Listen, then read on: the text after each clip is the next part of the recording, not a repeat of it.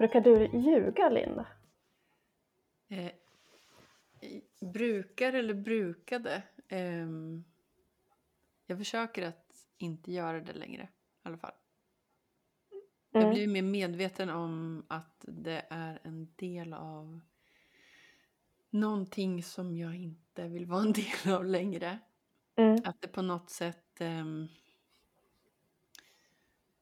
ja, men det gör att man, man på något sätt eh, framställer sig själv på ett annat sätt än vad man egentligen är. Och eh, det, även om man tänker att det är snällt först kanske. För jag, jag tror ju att man oftast tänker att man ljuger för att man inte vill såra någon annan. Eh, eller ljuger eller håller undan sanningen. Det behöver ju inte alltid vara så att man heller säger exakt tvärt emot hur det är. Utan det kan ju vara att man faktiskt bara inte säger. Att man håller undan sanningen.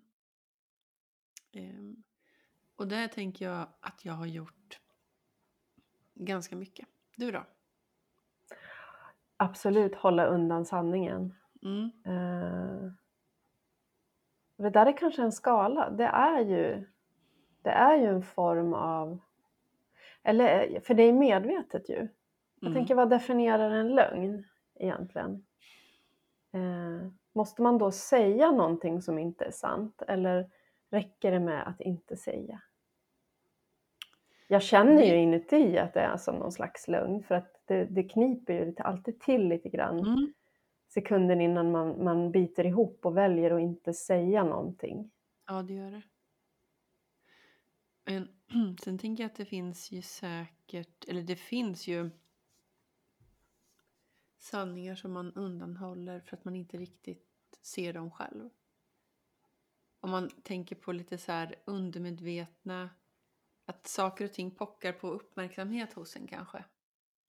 Men man väljer på något sätt att blunda för dem eller att inte lyssna på dem för man tänker att gör jag det så blir det för jobbigt och så försöker man trycka tillbaka det där och ehm, då är det ju såklart, det är svårt att berätta om någonting som man själv inte riktigt vet vad det är och så orkar man inte riktigt ta reda på det, är- vad det är heller för man, jag tror att man redan förstår någonstans att det här kommer ju leda till saker.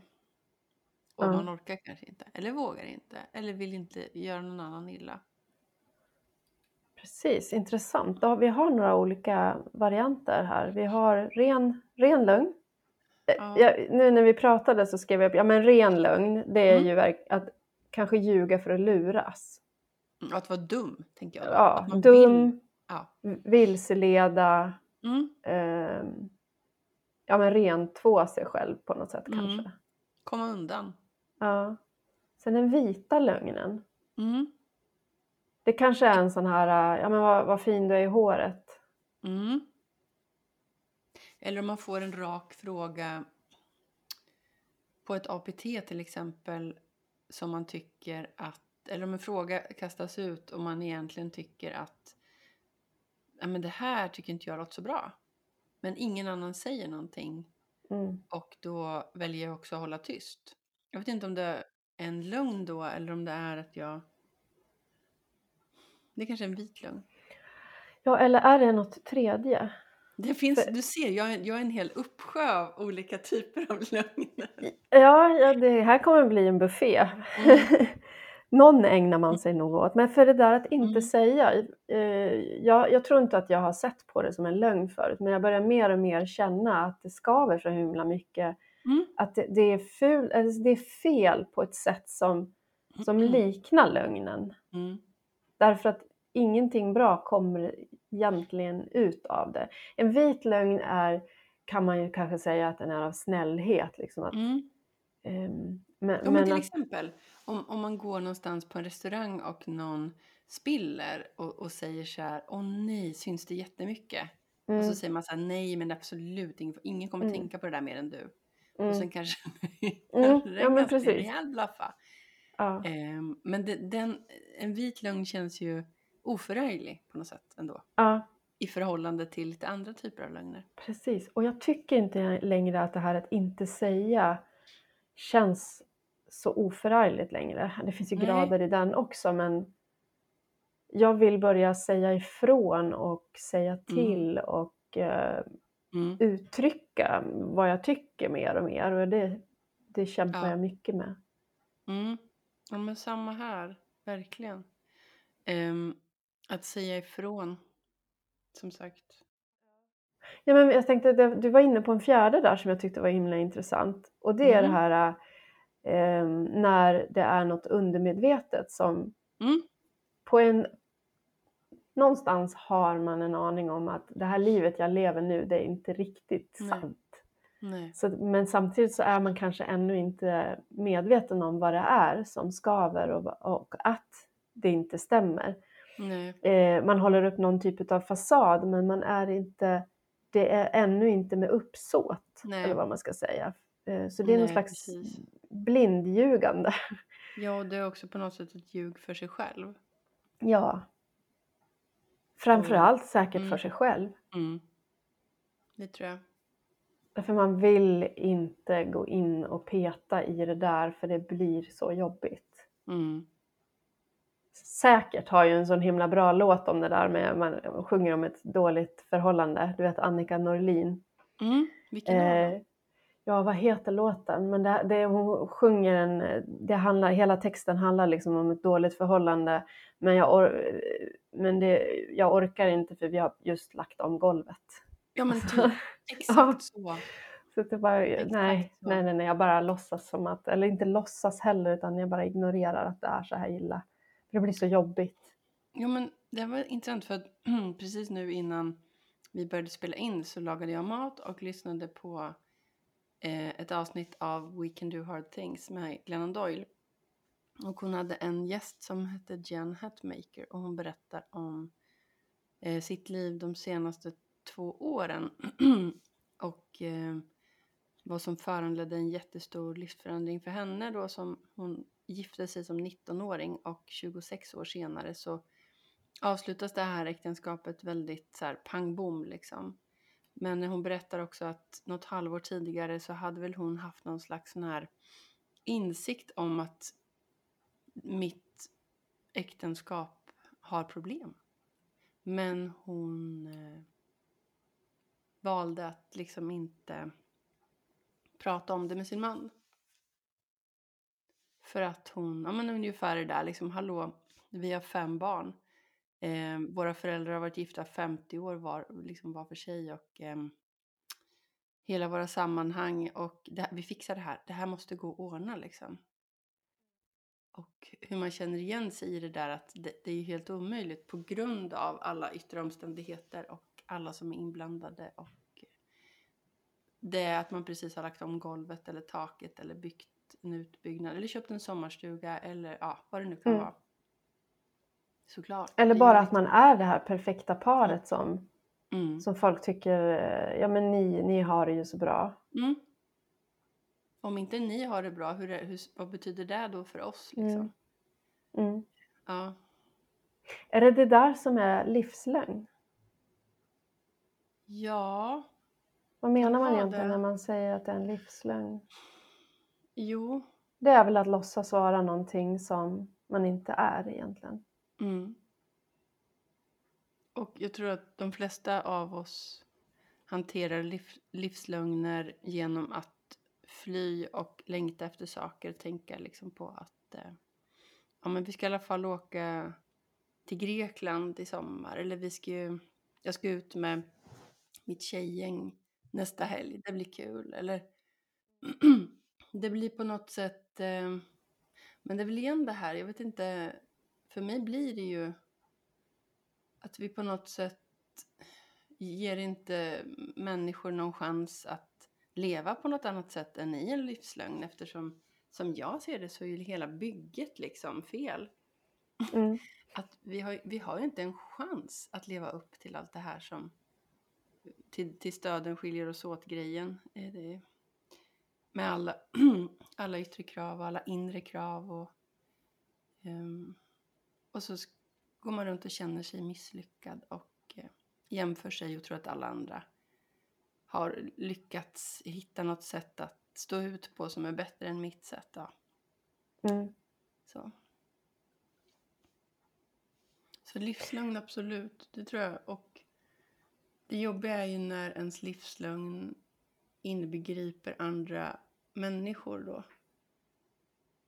Ja, Ehm, för att ehm, i takt med att man ser vad det är man, eller försöker se eller få glimtar av vad det är man, vad, vad som är ens egen livslögn så, ehm, så inser man väl också stegvis att det, det, det skulle komma att innebära att jag sårar så många. ja. Det där är nog den starkaste drivkraften bakom, bakom mitt eh, ljugande i livet. Jag har varit Mm. hemskt dålig på det här, um, ja men rena lögner om man säger så. Eh, jag har, och jäm, egentligen jämt har jag varit riktigt dålig på det. De, de har i alla fall inte hållit särskilt länge, mina lögner. Vad kan Eh, det jag vara för ta- något då? Ja, men jag kan ta ett exempel. Eh, när jag var, ja, men jag kan inte komma ihåg hur gammal jag var. Men det var, var liksom ett helt gäng med ungar som eh, drev runt i affärer och vi hade ju inte pengar så här. Och då var det Mm. någon som kläckte idén att vi skulle snatta Mhm. godis. Mm. Mm. Så jag drogs verkligen med i det där. Mm. Eh, de visste inte vad de gjorde när de plockade med mig i det där egentligen. Men jag hade snott en, jag hade snickarbyxor vet jag och det var en ficka på framsidan och där hade jag ploppat ner en chokladkaka och det Mm. hade eh, min kompis där också gjort. Mm. Och så åker vi fast. Du vet, det kommer den här vuxna människan bara, nu får ni följa med här. Eh, hur och så får man... Elva kanske? Mm. Ja, svårt att, svårt att komma ihåg det där helt, men någonstans där. Eh, jag vet inte, vi var ju verkligen på jakt efter den där spänningen tror jag. Okej. Inte bara chokladen, men det var nog spänning också. Men hur som helst, vi plockades med till det här rummet och så var det verkligen så här.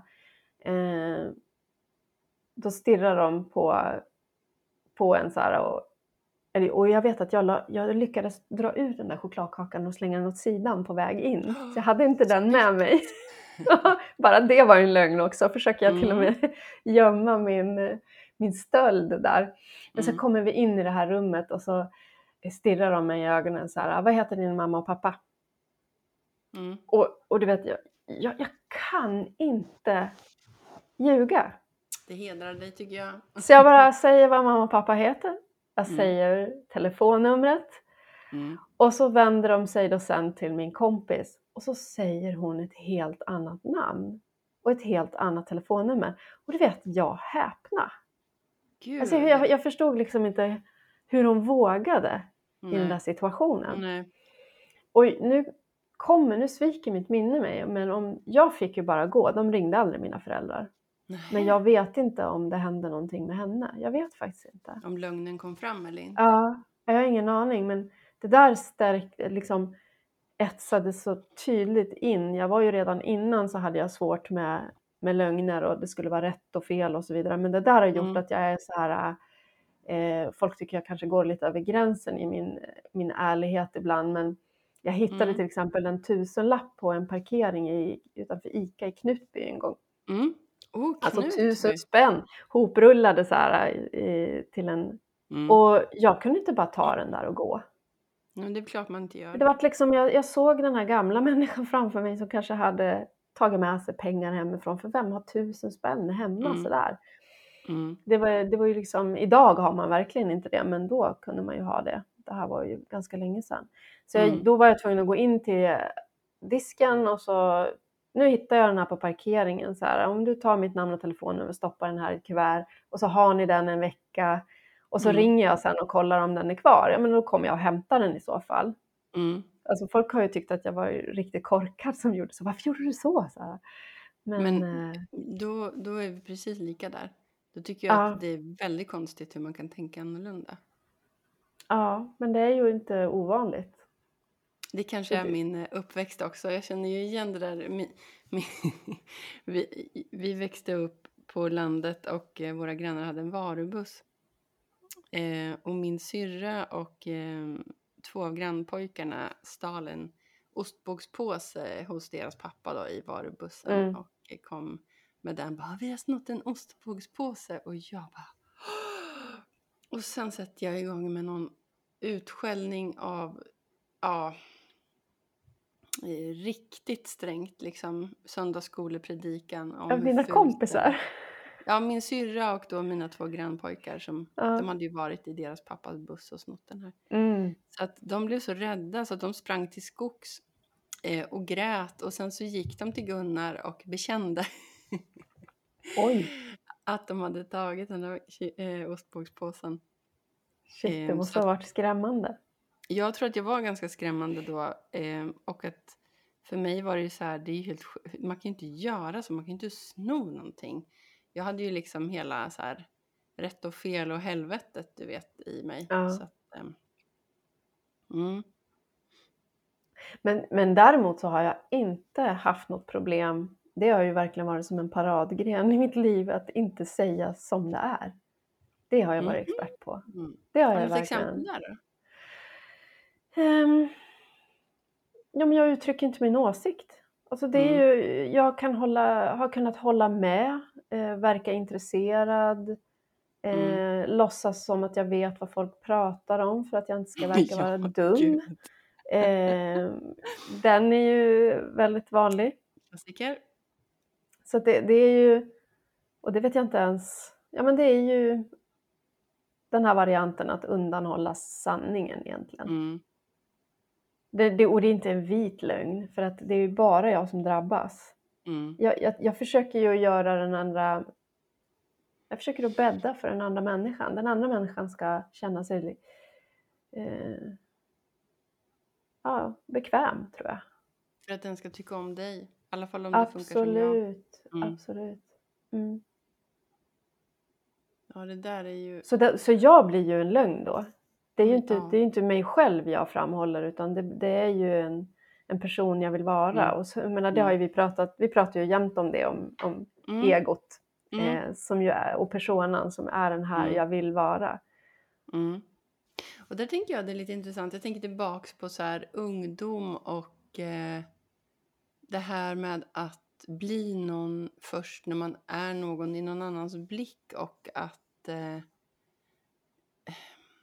bli bekräftad genom att vara åtrådd.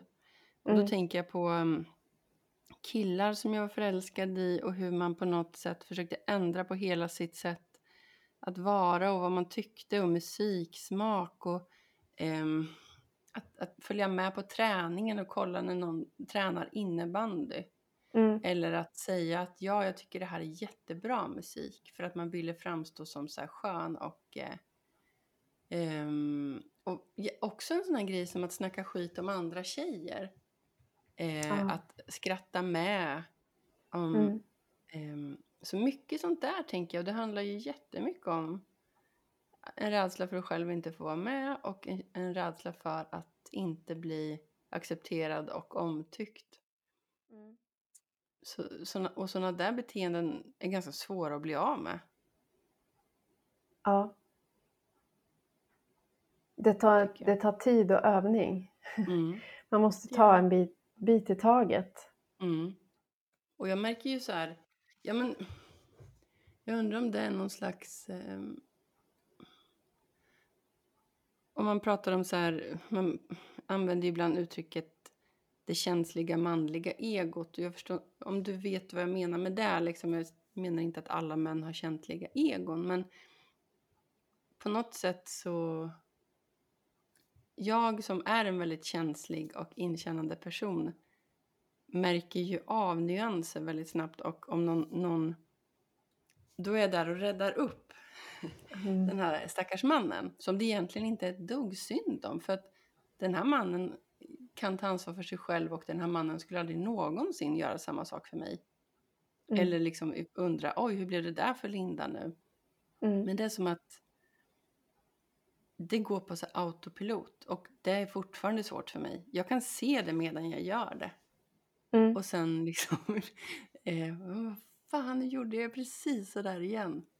Det är, mm. så, det är så oerhört, och jag vet inte var det kommer ifrån, men det måste ju vara en, en rest av allt det där. Att ingen annan ska behöva känna sig obekväm. Eller mm. ledsen eller inte lyssnad på. eller dum. Abs- oh, det där känner jag igen. Inte lyssnad på. Ja. Jag är en sån här som, jag försöker alltid dra in eh, människor i samtal. Mm. Eh, det är alltid jag som hamnar med de udda människorna på, eh, på fester och överallt. För att jag, jag, jag går inte därifrån för att jag tycker att de är udda, utan jag tänker just det här, de måste också Mm. eh, få, ja, någon som lyssnar, någon som är där. Mm. För att de också ska känna sig bekväma. Det är ju, Mm. Jag man är där och slätar är. ut. Ja, Men vet hur hemskt det är att inte vara, känna sig, ja men som att det pågår bara runt omkring en. Ingen, ingen riktigt ehm, märker att man inte är med. Den är ju så Mm. hemsk.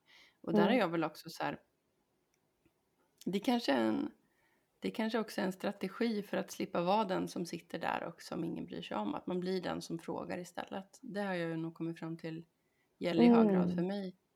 Och att det är Mm. också så här, det kommer väl också in på det här med självet och eh, egot att jag tror att jag har en förmåga som är väldigt stark att bry mig om och intressera mig för andra och att faktiskt också förstå kunna ibland hjälpa till att pussla ihop saker för andra. Men Mm.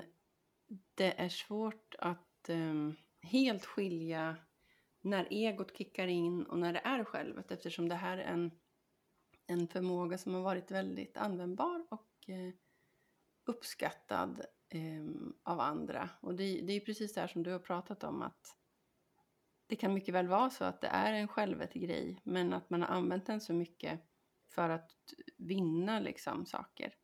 Så Mm. att eh, det inte är 100% autentiskt hela tiden då. Mm. Och då blir det på sätt och vis också någon slags lögn. Jo. Mm. Ja, för att precis, det är alltid, tror jag, så att så fort man far med lögner eller halvsanningar av vilket av de här slagen det än är som vi har nämnt Mm. så är det egot som är i farten. Mm. Men kan ju som sagt ha kapat någonting som är i grund och botten du. Men an, Mm. man använder det då eh, för man har en agenda, man vill bli Mm. gillad, man vill bli sedd som någonting speciellt. Mm. Överlag vill handlar det väl om att vara speciell, eller? Både, ja, på sätt och vis det, men jag tror att för mig har det nog varit en strategi att få vara med, Mm. Ja, men Ehm. ja. Tror jag. Ehm, Mm. För att det var lite sådär... ehm, nej men jag var ganska blyg och sen så var jag inte så cool och så... ehm, så var jag med i kyrkan och liksom... Inte ens där var jag särskilt cool. Jag bestämde mig sen för att bli lite cool. Ehm, sådär. Men det var ju inte så som att jag blev ehm, särskilt mycket coolare i mig själv utan det skedde ju med hjälp utifrån genom så att vara med dem som var lite coola eller att bli Mm. ihop med någon som var populär, lite sådär liksom. Mm. Ehm, det här att börja inifrån, det har ju kommit väldigt sent för mig. Att liksom någonstans få upp ögonen för att det går inte att... Det går inte att... ehm, ja, det funkar inte att börja utifrån. Hur mycket man än vill det. Mm. Och man snärjer ju in sig mer och mer och mer när Ja. man börjar att eh, mörka saker Mm. och dämpa sig, Mm. hålla tillbaka. Mm. För att inte vara jobbig eller för mycket. Mm. Men det är också så här, det, det är ju det är ju så oärligt att gå och visa upp en version av sig själv som, som inte är sann, Mm. tänker jag. Och ändå Mm. gör vi säkert alla det hela, tiden, tiden. gör vi det. Ja. Undrar vad som skulle hända om, om alla bara slutade. Och då menar jag inte att vi ska gå runt, för jag menar, det- är väl som med allting. ehm, att vara ärlig har ju blivit lite förknippat med att samtidigt vara obekväm och så här, jag är en sån som alltid talar sanning. Då är man ju oftast lite av en röv, tänker jag. Mm. Att man är en sån här person som bara, nej men jag, jag säger minsann alltid som det är. Jag tänker inte hålla tillbaka, för sån är jag. En sån person har ju sällan liksom självet som bas tycker jag. Utan då, då agerar man utifrån någon idé om någonting, att jag har minsann rätt att. Och då tänker jag, då, då sker det ju, då är det ju ingen liksom ärlig ärlighet, utan då är det oftast en ganska Mm. taskig ärlighet. Mm. Ehm, för ärligheten, den rena ärligheten tänker jag, den är väl varken snäll eller dum, den är ju bara ärlig. Mm. Det är någon slags oskyldighet och jag förknippar den med, os- med sårbarhet också. Att Mm. eh, våga träda fram så som man är. Ja, Och då, det handlar, det är någonting man brukar prata väldigt mycket om inom existentiella filosofin, att träda fram som människa.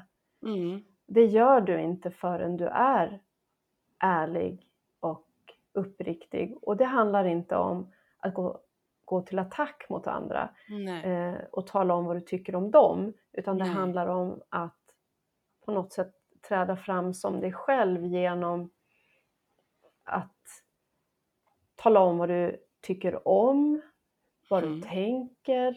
ehm, vad som är svårt, vad man inte förstår, precis. vad man blir glad av. Ja. Erkänna att man har ljugit, då träder man Mm. fram som människa. Ja men verkligen.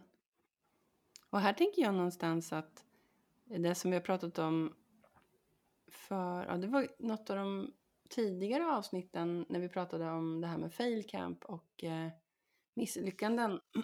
på tal om sårbarhet och vad det gör med människor att få samlas och prata ut, utifrån en idé om misslyckanden. Eh, vilken otroligt skön känsla det blir i rummet när, när, eh, när ingen behöver hålla upp de här lyckade duktighetsmaskerna längre. Eller det, det är väl svårare för, och lättare beroende på vem man är såklart och hur mycket man har tränat på det. Men, Mm.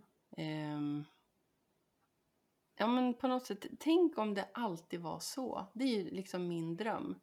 Mm. Lite för mig som det är att umgås med kompisar som, har, som finns inom autismspektrat.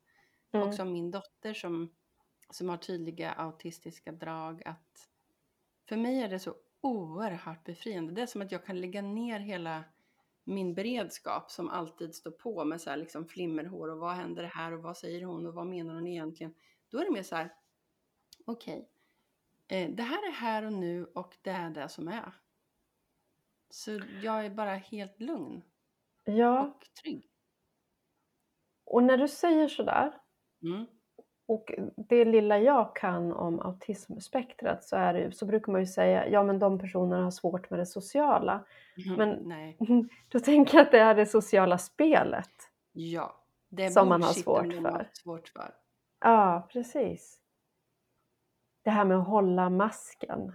Mm. Eh, bluffsyndromet, att man går omkring och känner sig som man ska avslöjas när som helst. Och det är Mm. väl förmodligen för att man går och håller masken Mm. av, på olika sätt. Man, man är Mm. inte uppriktig, ärlig, sårbar. Nej, utan det är exakt. någon typ av... Man är en halvsanning. Ja, och har man tur så får man tag i människors eh, riktiga, ja det som finns där på riktigt, kanske på en förfest eller en efterfest eller efter en begravning när, när, när också man har blivit av med den här masken eller om det har hänt någonting som förenar människor, någonting hemskt eller någonting roligt. Att man för en Mm. stund liksom connectar på riktigt med Mm. den andra människans riktighet liksom. Mm. Men det är ju så lite sånt. Och det sliter på mig. Det Mm. kanske jag egentligen som be- befinner mig i det där spektrat fast jag har lärt mig så duktigt hur man ska vara. Så att jag på Mm. något sätt, ja det kan vara så. Jag vet inte.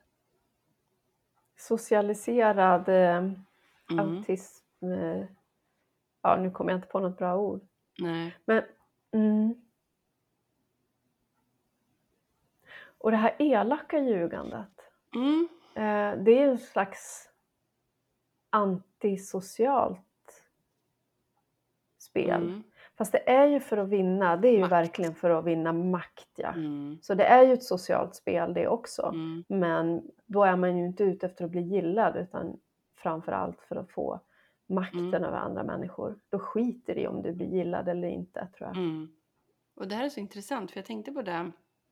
Jag kollade på igen på en serie på Netflix som jag tycker jättemycket om som heter Young Royals som handlar, alltså den utspelar sig på, till stora delar på en privatskola och eh, eller ett, ett sånt här, vad kallas det för där man bor? Internatskola heter det väl? Mm. Mm. Mm. Eh, och eh, ja, i stora drag handlar den om att eh, Sverige, en, av prins, en, en prins börjar på den här internatskolan, Sveriges prins. Och eh, han blir kär i en av killarna som går där på någon slags så här, ja, han hade egentligen gått i vanlig skola och vissa vanliga inom citationstecken personer får gå på den här skolan av olika anledningar. Eh, men det jag skulle komma till var att det är en scen när den här vanliga killens syster som också går på den här skolan blir medbjuden av ehm, de här då adliga tjejerna att eh, sova över och vara med Mm. dem på en så här tjejkväll. Och hade Mm. det här varit en, en serie för några år sedan då hade det här varit exakt precis det här eh, elaka ljugandet. Att vi bjuder med henne och sen så, ska, så tror hon att, att vi är snälla, att hon ska komma hit och, men vi ska minsann liksom pranka henne eller göra så taskiga grejer. Men så blir det inte alls så. Utan det är verkligen, Mm. hon är där och de börjar bonda och så här. Och, Mm. Ehm, ja, men det var ganska, det är så befriande med den här serien för det är så många sådana här gamla sanningar från den här typen av serier som ställs på ända. Eh, Och det, Mhm. det är väldigt befriande för att jag tänker vi får med oss genom både böcker och serier och filmer att tjejer i grupp är onda. Mm. Ehm, och att det är ett sånt där typiskt eh, kattigt beteende att man liksom ljuger för att eh, hålla sin status och makt och för att inte bli utesluten av dem som bestämmer och sådär. Mm. Ehm, men om jag tänker i takt med att det görs fler ty- typer av den här serien ehm, så kan, tänk om det går att förändra den bilden liksom. Mm. För det tycker jag är Ja. elakt ljug. Att ljuga för att en människa som kanske är lite utanför ska få vara en del av gemenskapen och sen så är det bara ljug och så blir den personen ännu mer ledsen och ensam än, än vad hon var från början. Mm. Det är elakt ljug. Mm. Eller att man...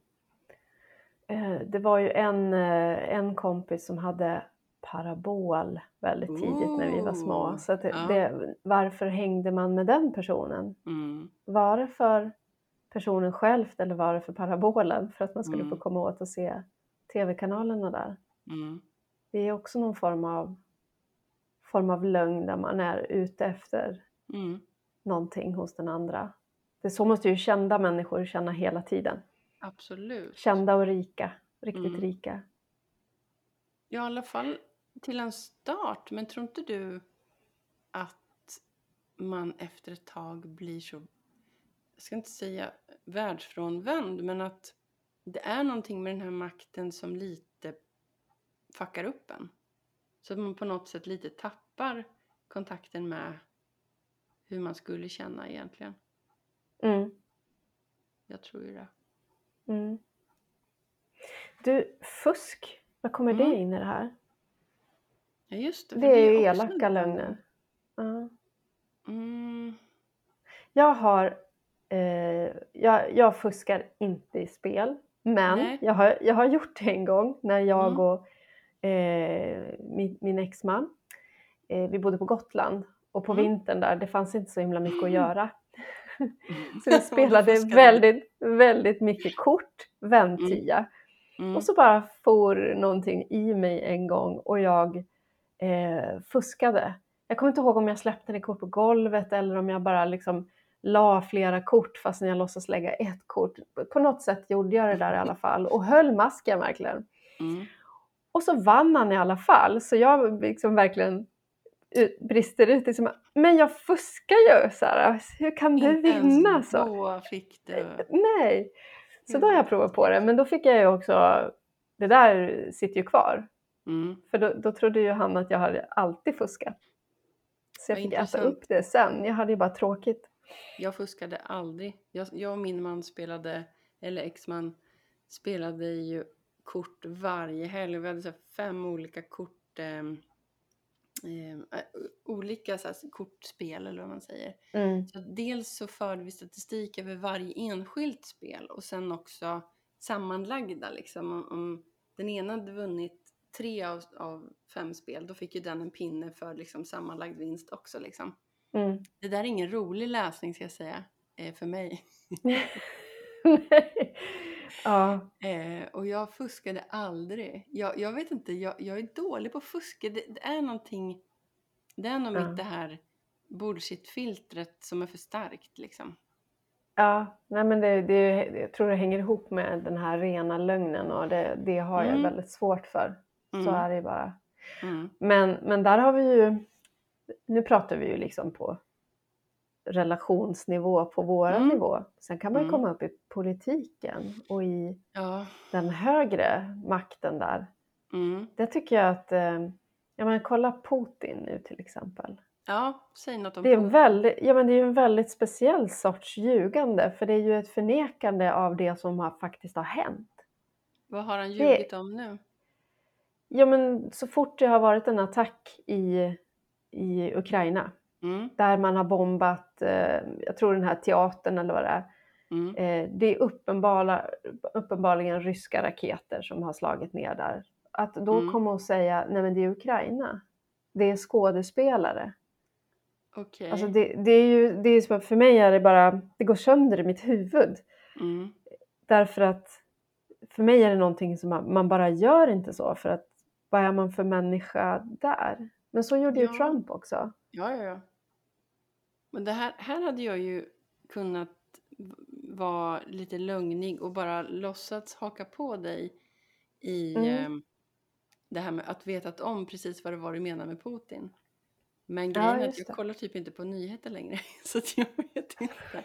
Jag ser det filtrerat. Eh, ja, och så tänker jag så här, riktigt stora saker når mig ändå. Det är som att jag, jag Mm. pallar inte.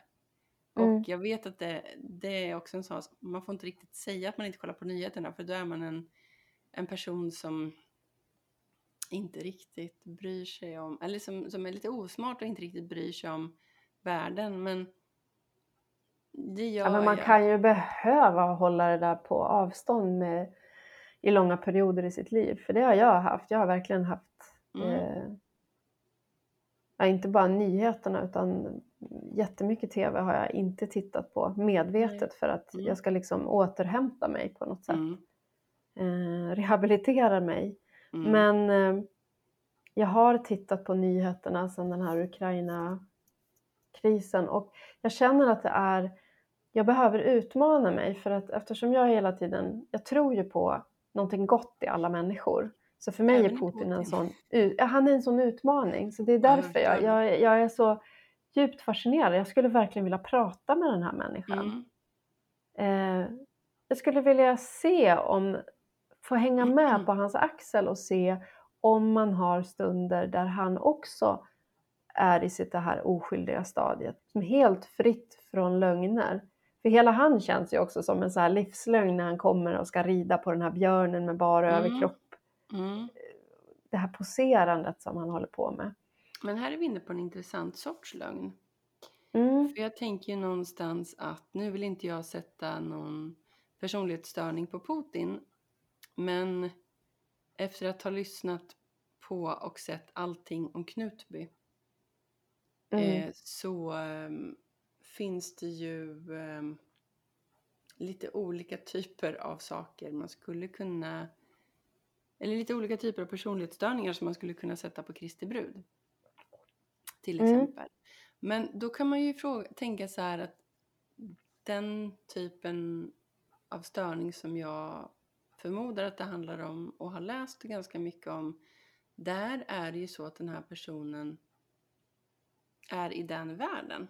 Där, det, där den personen på något sätt, ehm, ja det är det som den tycker och tänker och känner som är sanningen och som är liksom den rätta, som har som en världsbild som inte stämmer överens med andra människors världsbild. Vilket ju gör att det blir väldigt mycket krockar Mm. och att den här personen ofta kanske ham hamnar i en känsla av att vara missförstådd och vara ett offer och vara drabbad. Men Mm. att ehm, det är också, och då tänker jag så här, och tänk om då är, det nu är så att Putin har någon liknande grej. Jag tänker på Trump också. Det kan ju inte vara helt omöjligt, ovanligt att personer som hamnar på de här positionerna har tagit sig dit med ganska fula medel. Och då tänker jag så här, undrar om Putin har de här stunderna av sårbarhet då? Eller om det är så att han på något sätt på riktigt tänker att han faktiskt Mm. inte ljuger. Ja, men det kan ju vara så. Och, och nu när du pratar om det här, då får jag verkligen den här känslan. Det här är en, en typ av lögner som jag inte tror kan... Den, den kan inte bara komma från Putin själv eller Kristi brud själv. Den måste delas av andra. Andra Ja. måste köpa in sig på den och Ja. bära och lyfta lögnen till att Mm. bli det här större. Mm. Så att det, Medskapare är liksom. Ja, det kräver medskapare helt Mm. enkelt. Den, de här andra lögnerna vi har pratat om, ja, de här livslögnerna, de, de kanske också kräver medskapare på, på visst sätt. Men det här gör ju verkligen det. Mm. Och Putin har förmodligen en hel... Han har, han har säkert sedan han kom till makten Mm. haft den här klicken omkring sig som på Mm. något sätt lyfter honom. Om han är toppen på vågen så är de andra liksom kroppen på vågen Mm. och, och lyfter hela det här för att de tjänar på det också. Man, man vinner ju någonting och jag tänker att det kanske man också gör i, i ett sektsammanhang därför att du vill så gärna att den här personen är det Mm. den utger sig för att vara. Därför att då kommer jag att, jag kommer att få någonting då. Eh, om det så är Ja. trygghet eller ett, Mm. ja, men någonting som ska sippra ner ifrån den här människan och också vidröra mig. Alltså det är någon slags Mm. solens strålar som också ska Mm. värma mig. Ja, för jag tror att det handlar ju också mycket om eh, att man binds till de här personerna av rädsla. För att eh, det finns en hotbild, det finns ofta någon form av våld, psykiskt eller fysiskt. Mm. Eh, och det är personer som ofta kan vara väldigt karismatiska och eh, knyta människor till sig. Och då tänker jag att Mm. det blir lite som ett medberoende eller ett, med en drog på något sätt. Man har upplevt den här fantastiska kontakten med den här fantastiska människan som verkar Mm. då i Kristi bruds fall ha någon slags direkt kontakt med Gud och i Mm. Putins fall, jag vet fan, jag vet inte så mycket om honom. Men att man då på något sätt, man blir som besatt av att få känna så igen. Så Mm. att man gör liksom vad som helst. Och om också den här personen då som i Kristi bruds fall har som metod att ibland lyfts du upp och ibland så är du fel och då får du inte, ingen får prata med dig. Det är ju Mm. precis som i, ett misshandels, i en misshandelsrelation liksom. Mm. Att man, man gör vad som helst för att få hamna på det här upphöjda igen. För det är så Mm. brusande. Och det andra är så Mm. hemskt. Så att, ja, jag vet inte. Det här är ju, men det är ju som någon slags eh, förvriden variant av lögn. Mm.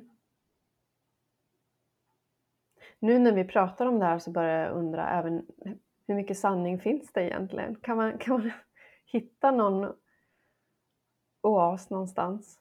Mm. Du menar liksom någon slags absolut sanning? Är den inte Nej, alltid? jag, jag menar, för eftersom det vi pratar om nu det är ju alltid Mm. relationer. Det är ju alltid mell- Ja. mellan två människor eller mellan en grupp människor och någon ledare så. Mm. Eh, var hittar man de rena relationerna som är utan? Mm. Finns det de, De som är det skapa. hela tiden? Men de får man försöka skapa och jag tror att det är väldigt svårt men jag tror att eh, det är väl lite det som min livslögn delvis har handlat om att eh, ha byggt in mig själv i relationer som inte har, som jag på något sätt inte passar in i. Mm. Och att då handlar inte det liksom först och främst om vad det är för liksom, om vad det är för typ av partner utan vad det är för typ, snarare kanske hur jag och vi alla egentligen ser på relationer. Um, Mm. Och nu glömde jag bort vad frågan var. jag seglade iväg där. Du sa någonting om, ja just det, hur man ska, om det finns relationer där där det är ärligt hela tiden. Och det, det tänker jag så här, det går ju. Det är väldigt arbetsamt men jag tror att det går och för mig finns det liksom ingen annan ingen annan väg framåt efter eh, att den här, nu säger jag ordet puppa fast jag hatar det. Nej men efter att den sprack eller liksom, det, det är som att nej det där, ja, det här var ju inte jag liksom. Jag kan Mm. inte backa tillbaks till det. Och eh, det är som att för mig blir ju det som en stor livslögn. Hela världens stora livslögn på något sätt. Ja. Men det är ändå den viktigaste. Alltså om det, är, det är svårt att göra, det är många lögner det inte går att göra någonting åt. Mm. Men den där lögnen kan vi alla göra något åt och den är vi så Ja. jäkla um, bekanta med. Vi har, Mm. vi har upprätthållit en så stor del av vårt liv. Först Mm. kanske vi inte har varit medvetna om det men när vi börjar bli medvetna om att vi, Mm. vi ju inte riktigt har levt autentiskt, att vi har, vi har hakat på någonting som vi har ärvt ifrån Ja. omgivningen. Mm. Och vi försöker leva upp till förväntningar. Mm. Eh, Vi har hakat på vad samhället säger att vi ska sträva efter. Ja. Och vi har inte tänkt själva så den kan vi faktiskt. Ja. Det är Och skitsvårt. För man har väldigt få personer att ta rygg på. Och det har ju varit min go-to liksom att ha någon som säger till mig vad jag ska göra.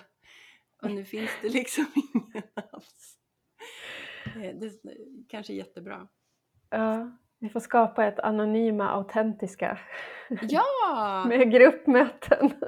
Gud vad, det, det, det vore ju jättebra.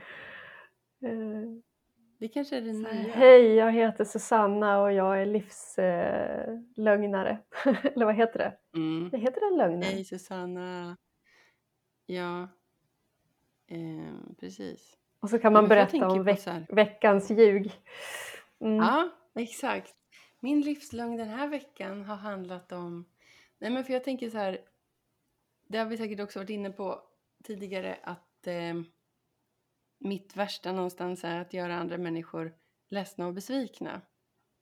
Men Mm. på något sätt blir det ju som att om man inte är ärlig och sann så gör man oftast människor ännu mer ledsna och besvikna när liksom sanningen till slut faktiskt inte kan göras om längre eller kan döljas. Eller, Mm. för det är, ju ofta, det är ju ändå så skulle jag säga att det går inte att pressa tillbaka Mm. saker hur länge som helst.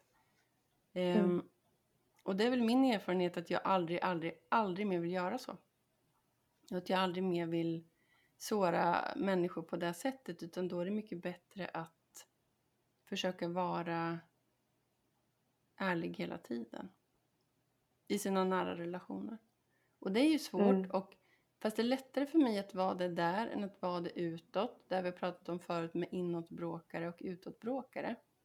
Men jag Mm. tänker någonstans i takt med att jag märker att det faktiskt genererar bra saker att leva så inåt. Så, så tänker jag att då borde jag kunna ta det i bruk även i mitt offentliga liv. Mm. För jag tror ju att eh, det är precis samma sak där. Att jag tror min sanning behövs där. Absolut.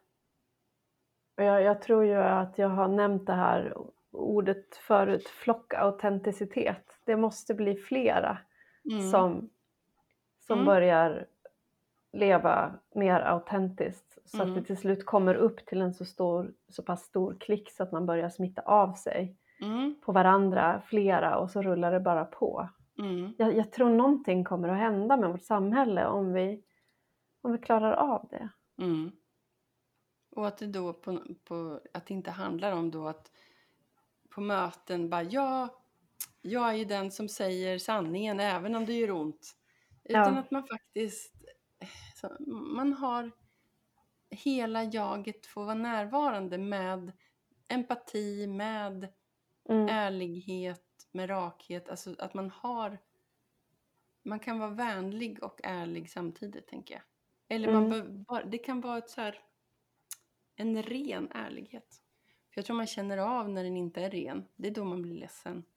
Det kan man i Ja. och för sig bli ändå om egot slår till och slår ifrån sig. Men det Mm. brukar oftast man känna efter ett tag att det där var ju faktiskt ganska bra att någon sa Mm. till mig. Ja, för det finns, en sån, det finns någon slags skillnad mellan den här personen som ska vara den där jag är alltid en sanningssägare. Mm. Jag säger som det är och så får jag bara skit för det. Mm. För att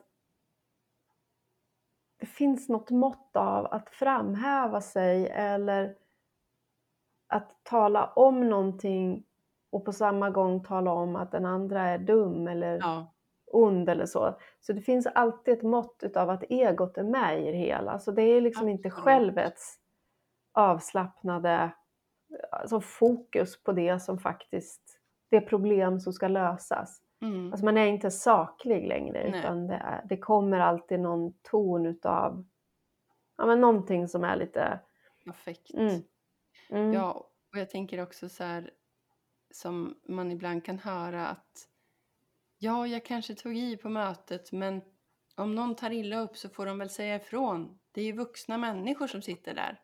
mm, Det är också en sån där grej som jag tänker att ja, absolut, vi är vuxna människor, men vem räcker upp handen och säger jag tog faktiskt illa vid mig av din hårda ton idag? mm, Ingen. nej, Och det kan ju på sätt och vis vara någon slags undanhållande av sanning eller lögn. Men, Mm. men det är ju inte som att det funkar riktigt så heller i ett socialt sammanhang. Att man kan dundra på om vad som helst och sen om ingen säger något så betyder det att allt är bra. mm, Eller att det är deras fel om de inte sa något. Utan det, det är sin, det är en komplexitet det här med Mm. eh, samspel. absolut. Ja, och någonstans vill jag väl tro att vi, vi har ju utvecklat hela det här intrikata nätverket av halvsanningar ju kanske av, ja men vi vill tillhöra flocken. Ja, vi vill inte Så vara är det ju. Ja. Så det finns ju någonting rörande i det. Mm. Men kan vi inte se det rörande i att vi vill vara med, men vi kan ju vara utan lögnen ändå. Mm. Vi kan få vara så sårbara som man är när man vill vara med. Ja, precis. Att vi kommer in med oss själva på riktigt i det här Mm. eh, bygget. Jo, men vi, det, det, det här som du sa, eh, flockautenticitet, det är ett väldigt bra ord. För jag, jag tänker någonstans att det, det märker jag ganska tydligt att när, när jag sätter ord på min sårbarhet eller berättar om någonting för en kollega till exempel så, så är det ju som att lite axlarna sjunker ner på den personen också och så kan den personen Mm. säga någonting. Kanske inte den Mm. gången, men nästa gång då vet den att men det är okej att snacka om det här för att eh, Mm. Ja. Och lite den får- effekten har vi ju fått faktiskt på människor som träder fram och berättar att de har panikångest, att de är deprimerade, att de inte mår dåligt psykiskt. Mm, Då har ju det stigmat och det, det Mm. har ju försvunnit. Det är inte hela världen att berätta det. Det kan fortfarande kännas jobbigt tror jag att berätta Mm. att, man, att, man har, att man mår dåligt på olika sätt. mm, Det är väl så också med att berätta att man har ätstörningar eller vad det Mm. nu kan vara. Men det Mm. går åt rätt håll där tycker jag. Det har hänt absolut. jättemycket. Och där tror jag att det är en väldigt stor skillnad mellan generationer. Att om, som med mina barn till exempel, där pratar ju vi om ångest som om det var någonting helt naturligt och någonting som för Mm. många är en del av livet och som man behöver förhålla sig till på olika sätt. Medan jag tänker min föräldrageneration, där var det ju allt som har handlat om psyket är ju ganska problematiskt. Mm. Och lite så fult eller lite, ja, man vill inte bli betraktad som konstig eller knäpp. Mm. Ja, och alltså, min familj överhuvudtaget har ju inte berättat mycket om sig själva. Nej. Det har varit ett, ett väldigt hållande på, på saker och ting. Mm. Ehm, och det där tror jag säkert har gått i arv i, i generationer också. Man, man gör bara så som man alltid har gjort. Jag tänker så också.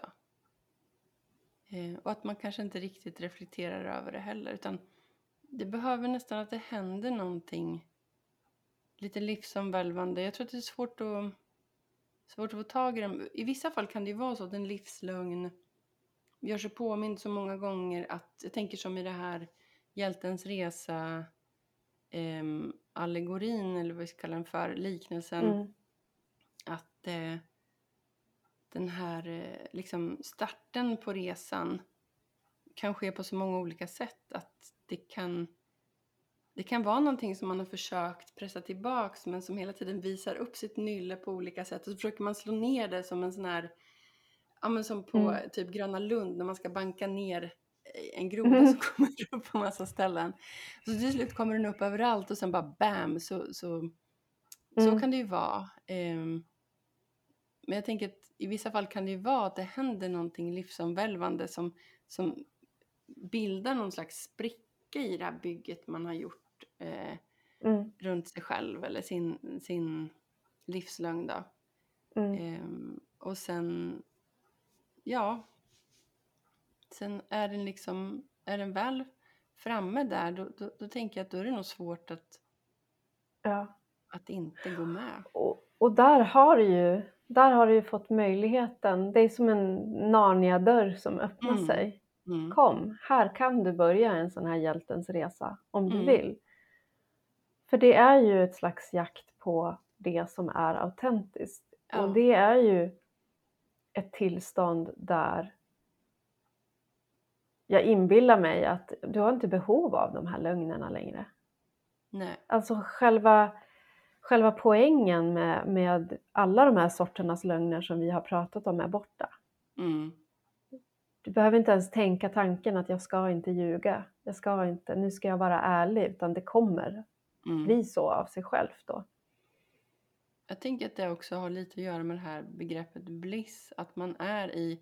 Bliss för mig är väl på något sätt att vara i sin autenticitet. Även om man Mm. någonstans också tänker att det är förknippat med någon form av kreativitet kanske. Eh, någonting som man, som man gör och som man tycker om att göra så, så att man faktiskt glömmer bort tid och rum liksom. Mm. Men då är man ju också i sin kärna, tänker jag. Ja, alltså där kan du ju inte vara tillgjord, Nej. som ju, är- som ju är en form av lögn också. Mm. Vi har ganska många ord för olika typer av lögner, tänker Eller jag på nu. hur? Verkligen. Tillgjord, ja. Absolut. Det är ju en speciell sort. Alltså det där, man tycker inte om människor som är tillgjorda. Nej, men alla är det. Och det är ju vi hela. Men Ja. vet du vad? Så här är det kanske. Vi gillar inte människor som är tillgjorda för de är såna jäkla amatörer. jag Mm, menar de- själv är jag ju så mycket Ja. bättre. Måste det vara så där pinsamt uppenbar? Är det inte Den så? märks ju. Ja. Jo, och då är egentligen den ärligare form av ljug. För att den, den Ja. eh, skevar så att man faktiskt kan se att det här är ju bara... Ja, men lite som man kan se på tonåringen när de försöker hitta sin identitet och testa lite olika och hoppar mellan olika åsikter och eh, det är inget att skratta åt för det är, det är ju en jätteviktig process liksom.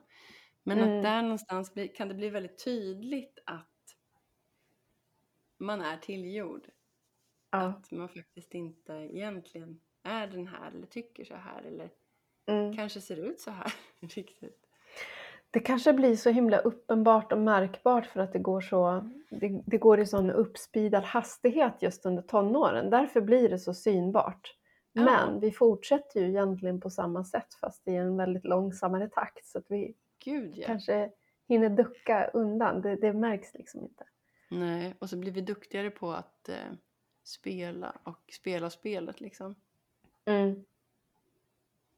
Men det är ju väldigt kärnan i att eh, våga göra upp och göra rent hus då med alla olika sorters lögner. Det är ju att våga möta den rädsla, för man är ju rädd för någonting. Det är ju därför man håller på.